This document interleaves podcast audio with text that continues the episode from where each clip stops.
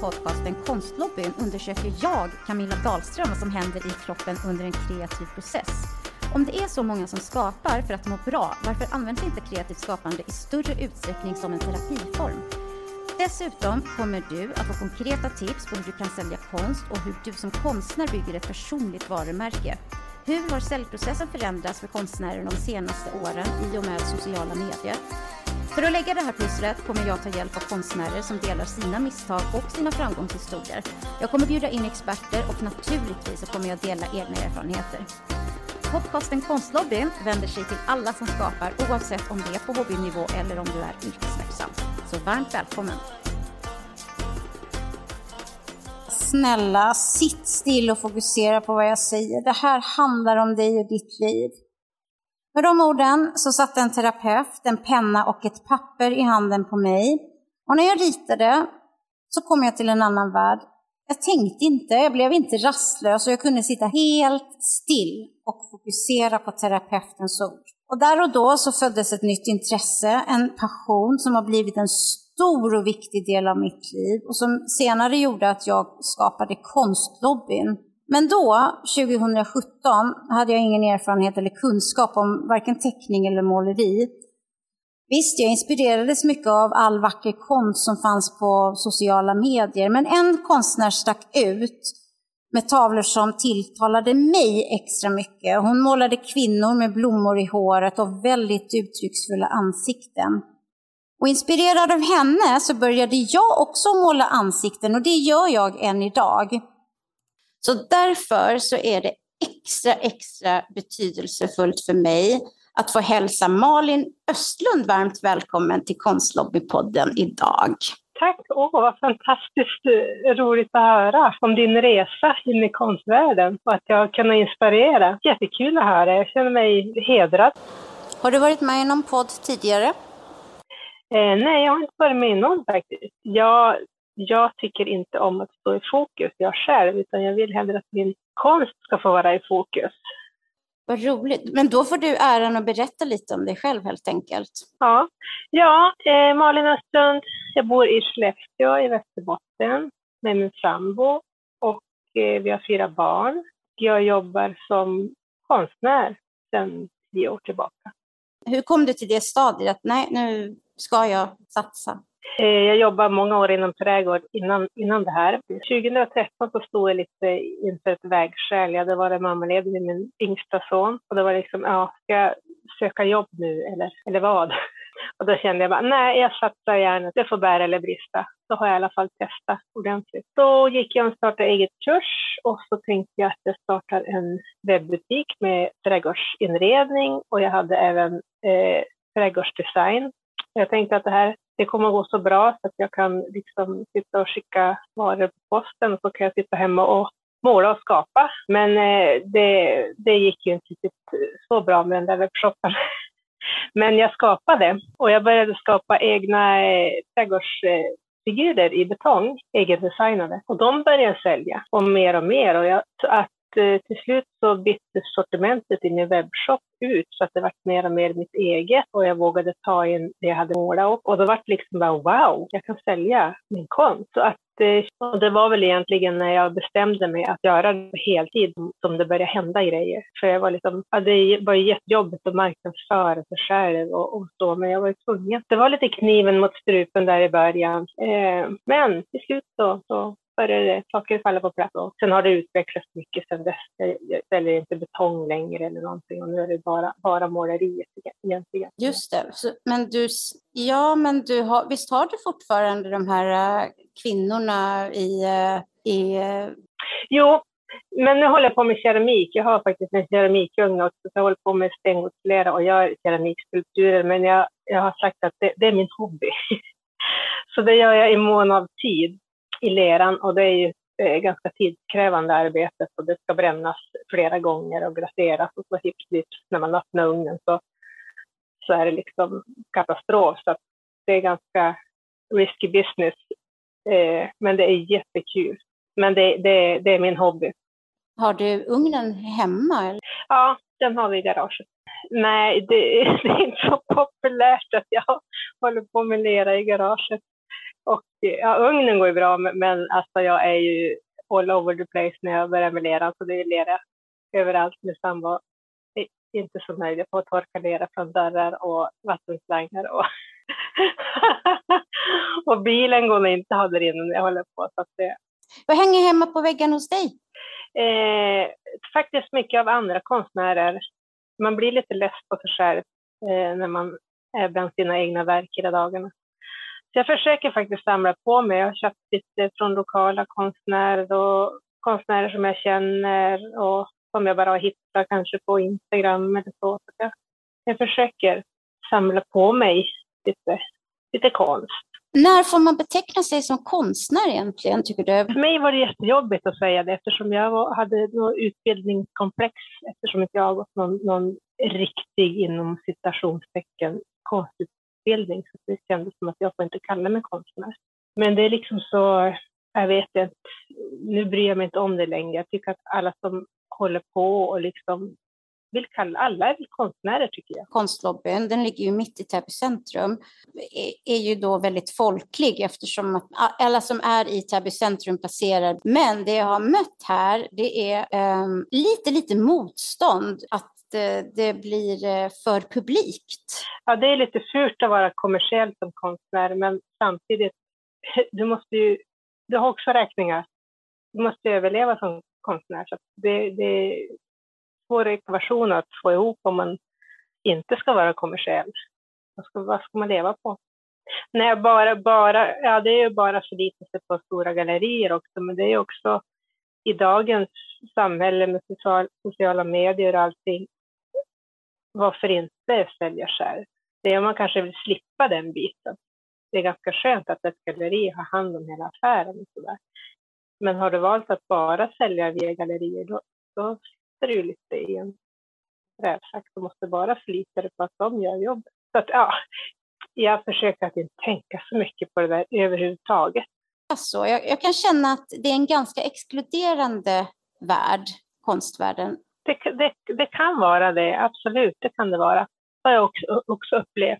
Men som sagt, i dagens sociala medier så, så kör. Alltså, till slut hittar du, hittar du dina människor som gillar din konst och det du gör.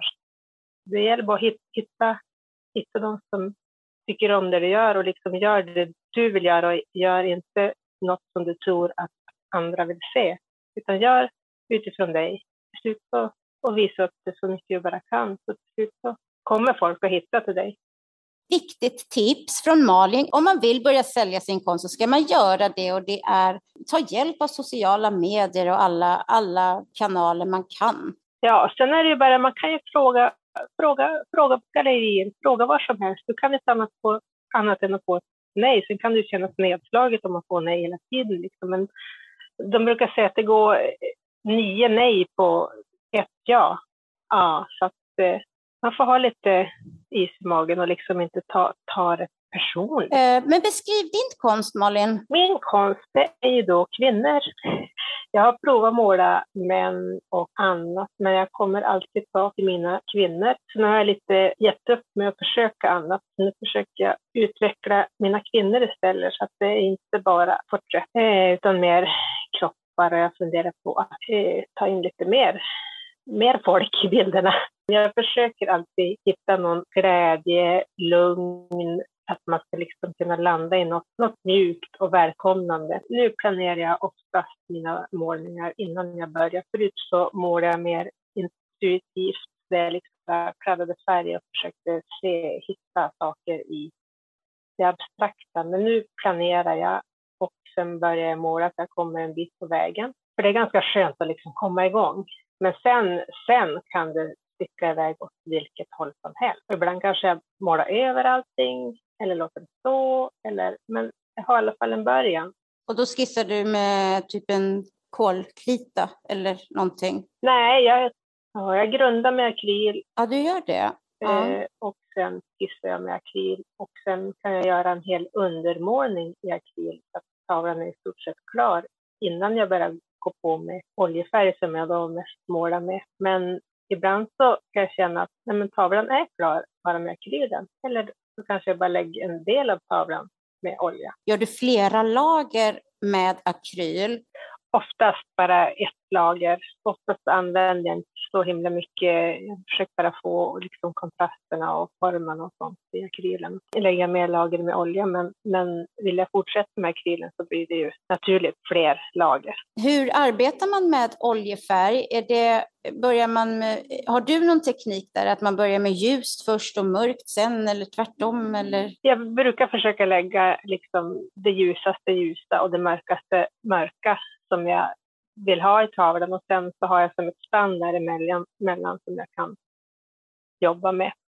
Eh, men sen så behöver man också, om man vill jobba med flera lager så behöver man börja med ganska tunna lager och sen bygger man liksom upp tjocklek på olja. Har du något tips på de som vill börja måla i olja? De ska, hur de ska lära sig? Det finns ju hur mycket, alltså Youtube är ju fantastiskt. Det finns så mycket duktiga konstnärer och målare som delar med sig gratis av mycket tekniker. Så där kan, det är ju liksom en källa till mycket kunskap. Sen finns det så otroligt många tekniker man mm. kan jobba med i olja, ja men i all färg. Så att, eh... Olja är ju eh, tidskrävande och tålamod. Alltså du behöver ju mycket tålamod. Jag jobbar faktiskt med vattenlösliga oljefärger eh, ett märke som heter Cobra som jag tycker är de bästa mm. vattenlösliga för de beter sig mest likt eh, olje, oljefärger om man säger. Eh, då slipper man alla de här ja, men och de här lösningsmedlen. Ja. Ja. Och så torkar de lite fortare. Så det kan vara eh, bra att börja med. Och jag är ganska otålig när jag målar, så jag vill att det ska gå fort och torka fort. Så därför använder jag de här färgerna som torkar lite fortare. Ja. Men ibland använder jag traditionella oljefärger också, för det, det, det är svårt att hitta någon motsvarighet till dem. Men mm, ja, det är som allt annat, bara testa sig fram. I din ateljé, vad har du som du inte klarar dig utan? Ja, det är ju penslarna.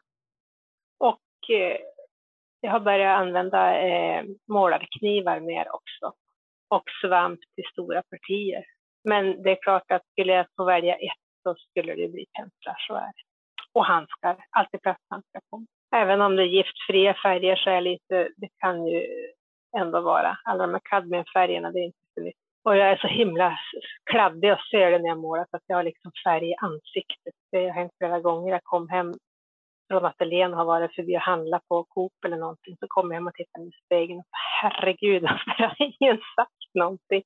Liksom blå i pannan och sådär.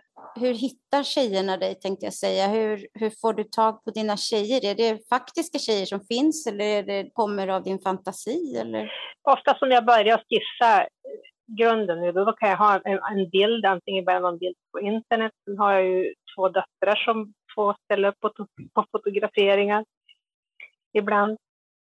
Eh, men när jag väl fortsätter med tavlan så, så blir det någon annan. Och ibland vet jag inte alls vem som kom fram. Det är ganska spännande att se vem som kom fram på tavlan. Ibland kan det bli någon som jag inte alls gillar, så då måste jag måla över henne. Men eh, nej, så det kan börja från en bild, men, men det blir aldrig den bilden. Varför tror du Malin att, eh, att det är så många som hittar konsten när man behöver en förändring i livet? Ju, det är ju, händer ju alltid någonting när man liksom jobbar på med händerna. Och sen kan det, kan det vara svårt att liksom uttrycka vad man känner med, alltså verbalt. Och då kan det vara skönt att liksom uttrycka det i det man skapar istället. Vad inspireras du av? Det är lite olika. Just nu eh, är det mycket poesi och musik. Vanligtvis så brukar jag inte lyssna på musik när jag målar, för jag blir så pass påverkad. Men nu har jag lyssnat på musik. Sen kan det vara eh, ögonblicksbilder, ofta när jag tittar på en serie och så blir det liksom någon bild i serien där det, hela atmosfären, ljuset är helt magiskt. Jag liksom springer upp och vill nästan ta kort på tvn, men oftast är det en streamingtjänst man kan kolla vilken tid och så kan man gå tillbaka. Eh, sen bara färgen, om jag inte är inspirerad så, så börjar jag bara kanske måla en bakgrund och börjar med någon annan färg och liksom bara kladda på och då kommer alltid inspirationen bara av att jobba med händerna. Vi pratade igår, då hade din tjej som du har bakom dig, nu har hon fått på sig en blå tunika, igår var den gul. Ja, mm, jag har målat på henne. Hon, eh, hon, ja, nu har hon kommit till ett stadium att hon ska få stå och vila ett tag. Ofta så gör jag så att jag målar liksom, sen blir det stopp och så får den stå ett tag. Och så går jag tillbaka. Så vad, ska du måla på någon annan tavla idag eller vad ska du? Ja, jag tror jag ska börja på, på något nytt idag. Är det alltid så att du kommer till ateljén och bara känner att du vill måla? Eller känner du någon gång att nej, jag har ingen inspiration? Mm. Ja, ibland känner jag verkligen så att nu har jag ingen inspiration och jag, nu är det över liksom. Det finns ingenting mer att tömma av.